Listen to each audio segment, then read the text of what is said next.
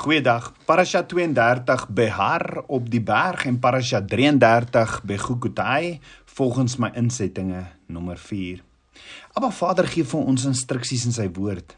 En die vraag is: waarom vertrou en gehoorsaam ons dit nie net nie?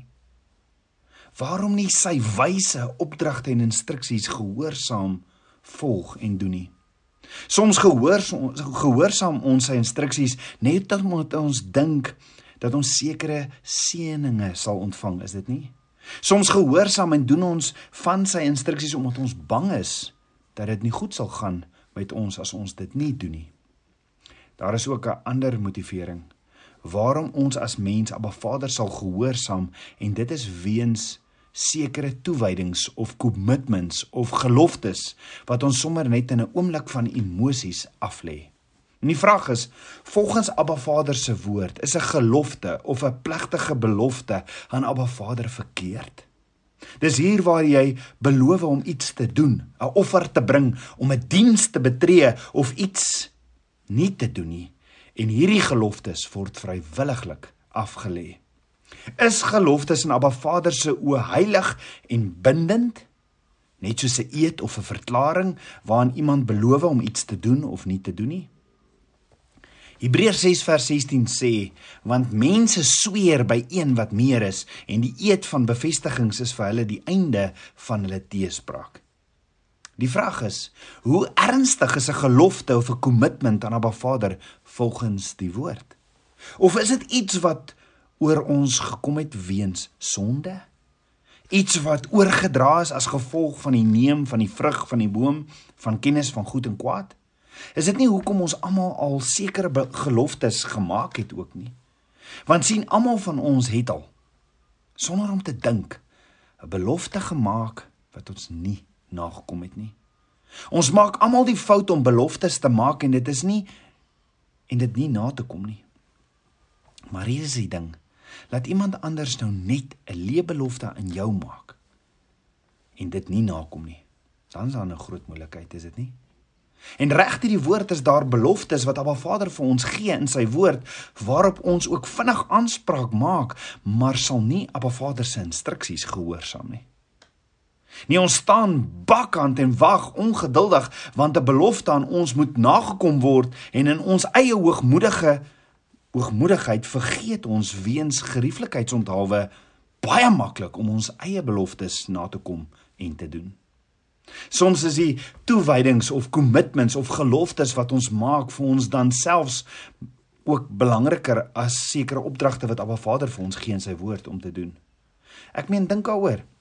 Elke keer as ons ons daartoe verbind om dinge te doen wat buite Abba Vader se woord is, gaan ons mos verder as die perke van Abba Vader se goddelike bemagtiging, is dit nie?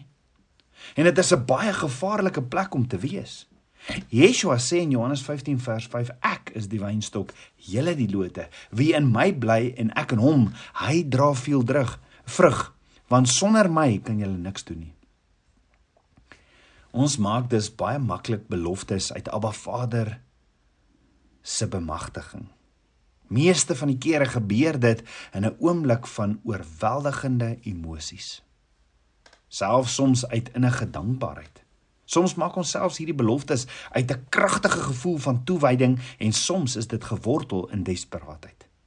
Let wel, dit is baie keer gewortel ook in trots of in 'n gevoel van geregtigheid of in 'n houding van vermoede. Jy sien wanneer jy in die moeilikheid is en jy jou lewe nie en jou lewe nie volgens plan verloop nie, word word beloftes sommer maklik gemaak. Inteendeel, sommige mense is onder die indruk dat hulle Abba Vader so bietjie kan omkoop of met hom kan onderhandel deur die beloftes wat hulle maak. Maar beloftes wat uit desperaatheid gemaak is, is beloftes wat nie nagekom word nie. Wat ook al die wortel van die motivering vir die belofte is wat ons maak, dit kan potensieel rampspoedig wees.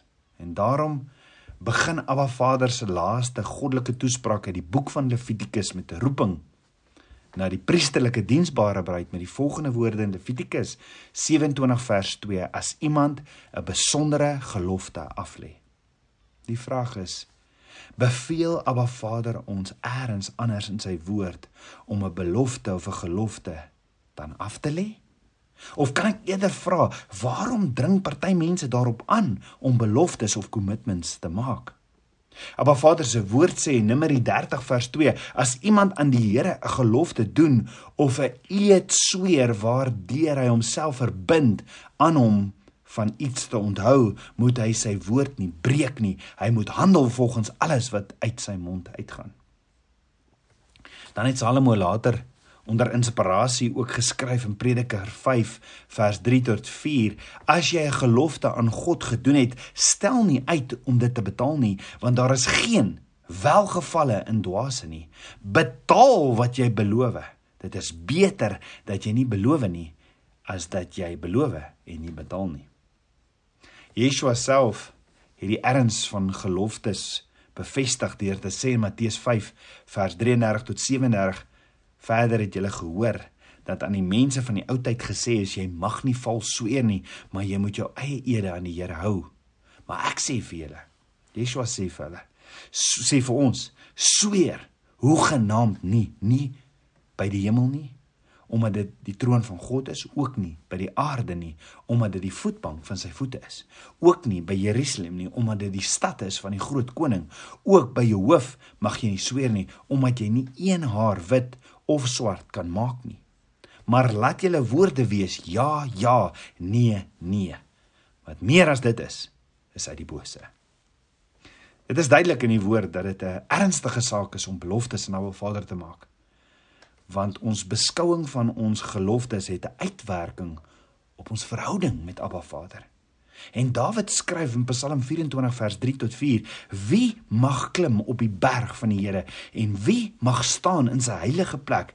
Hy wat rein van hande en suiwer van hart is, wat sy siel nie ophef tot nietigheid en nie vals sweer nie. So Abba Vader leer ons in sy woord oor beloftes en dit gaan gepaard met nederigheid, wysheid, vriendelikheid en selfbeheersing. Van dink daaroor. Elke keer as jy 'n belofte aan 'n ander persoon maak, gebeur daar verskeie dinge. In die eerste plek skep jy 'n hele nuwe stel verwagtinge wat nie voorheen bestaan het nie en wat jy eerder as Abba Vader gegee het. Ons is ambassadeurs. Ons is verteenwoordigers van Abba Vader se koninkryk en ons is nie veronderstel om beloftes te maak wat hy ons nie spesifiek bemagtig het nie. Ons moet nie uit ons eie gesag of autoriteit beloftes maak nie. Nee, soos ons hoëpriester Yeshua is ons verteenwoordigers van die koninkryk van lig met 'n opdrag om sy lig te skyn. En vir ons om sy missie te bereik, moet ons verteenwoordigers wees onder sy gesag en sy autoriteit. Verteenwoordigers wat sagmoedig is en wat dus net praat wat ons Vader in die hemele ons gegee het om te sê en te praat. Ja, Yeshua ons hoofpriester sê self in Johannes 12 vers 49, want ek het nie uit myself gespreek nie, maar die Vader wat my gestuur het, hy het my 'n gebod gegee wat ek moet sê en wat ek moet spreek. En ek weet dat sy gebod die ewige lewe is. Wat ek dan spreek, net soos die Vader vir my gesê het, so spreek ek. Kan ek dit gou-gou herhaal? Hoor gou weer wat sê Yeshua en ek weet dat sy gebod die ewige lewe is. Wat ek dan spreek net soos die Vader vir my gesê het, so spreek ek. Die punt is enige verwagtinge wat ons skep met beloftes hou verband met ons om die toekoms te definieer. En as kinders van Abba Vader weet ons tog goed dat die toekoms buite ons beheer is. Ons omstandighede kan binne 'n oogwink dramaties verander. 'n Hoë prioriteit, miskien selfs 'n kwessie van lewe en dood, kan opduik en ons aandag verg. En dis hier waar Jakobus ook sê in Jakobus 4 vers 13 tot 16 kom nou, julle wat sê vandag of môre sal ons na die na die en die stad gaan en daar 1 jaar deurbring en handel drywe en wins maak, julle wat nie eens weet wat môre sal gebeur nie. Want hoe danig is julle lewe? Dit is tog maar 'n damp wat vir 'n kort tydjie verskyn en daarna verdwyn. In plaas dat julle sê as die Here wil en ons lewe, dan sal ons dit of dat doen. Maar nou roem julle in julle groot pratery. Al sulke roem is verkeerd. Dan tweedens plaas plaas die maak van enige belofte. Die een wat die belofte maak onder 'n vorm van slawerny. En ons eerste verpligting van aandag, toewyding, kommitment en diensbaarheid is aan Abba Vader. Hy is ons God wat die prys van ons verlossing betaal het en ons uit die slawehuis gebring het en ons moet ons net so effektief aan hom toewy soos wat hy homself aan ons beloof het. Jy sien in die mate waarin ons ons aandag, toewyding of diens aan 'n ander beloof sonder Abba Vader se opdrag, sluit ons ook kompromieë met ons roeping en ons missie van Abba Vader. Daar word 'n botsing van belange geskep. Ons verdeel ons lojaliteit en dit moet nooit ooit ligtelik opgeneem word nie. Derdens is die maak van 'n belofte aan 'n ander mens geneig om 'n sielsband of 'n soul tie tussen die maker van die belofte en die ontvanger van die belofte te skep. In beide gevalle, 'n belofte impliseer altyd baie meer as werklik wat beloof word. Want 'n belofte maak altyd die deur oop vir hoop en verwagtinge van verhoudings bo en behalwe die onderwerp van die werklike belofte. As verteenwoordigers en disippels van Yeshua moet ons sy manier om met ander mense om te gaan in gedagte hou en moet ons daarbey leer en dit najag. Yeshua sê in Matteus 5 vers 37: "Maar laat julle woord wees ja, ja, nee, nee. Wat meer as dit is, is uit die bose." Yeshua sê verder in Matteus 5 vers 44 tot 45: "Sodat julle kinders kan word van julle Vader wat in die hemel is, wat hy laat wat hy laat sy son opgaan oor slegtes en goeies en hy laat reën op regverdiges en onregverdiges. Want as jy liefhet die wat vir julle liefhet watter loon het julle? Dan die tollenaars. Nie ook doen die tollenaars nie ook dieselfde nie? Die punt is ons hoef nie beloftes af te lê om dit te doen nie want Romeine 13 vers 8 sê wees aan niemand iets skuldig nie behalwe om mekaar lief te hê want hy wat 'n ander liefhet, het die wet vervul. Jy sien sommige dinge wat mense beloof wat goed bedoel word. Verbind hulle so en hulle kom nie eers agter dat dit buite Abba Vader se wil is nie. Maar hulle doen dit bloot omdat dit uit emosies gedoen word en soms is dit net 'n begeerte in hulle om diensbaar te wees.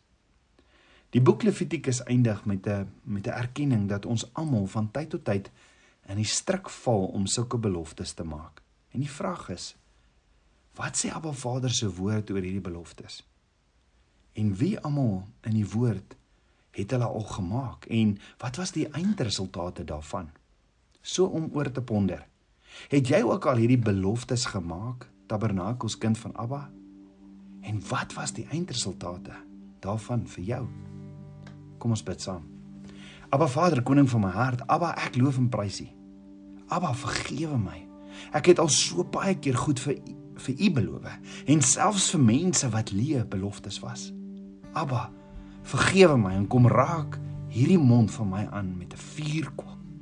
Abba, was my met die waterbad van U woord en kom leef in my en leer my net die waarheid. Ek wil U woorde spreek meer as my eie. Ek bid dit alles in Yeshua, Messie se naam, die seun van Jahweh. Amen. Shalom.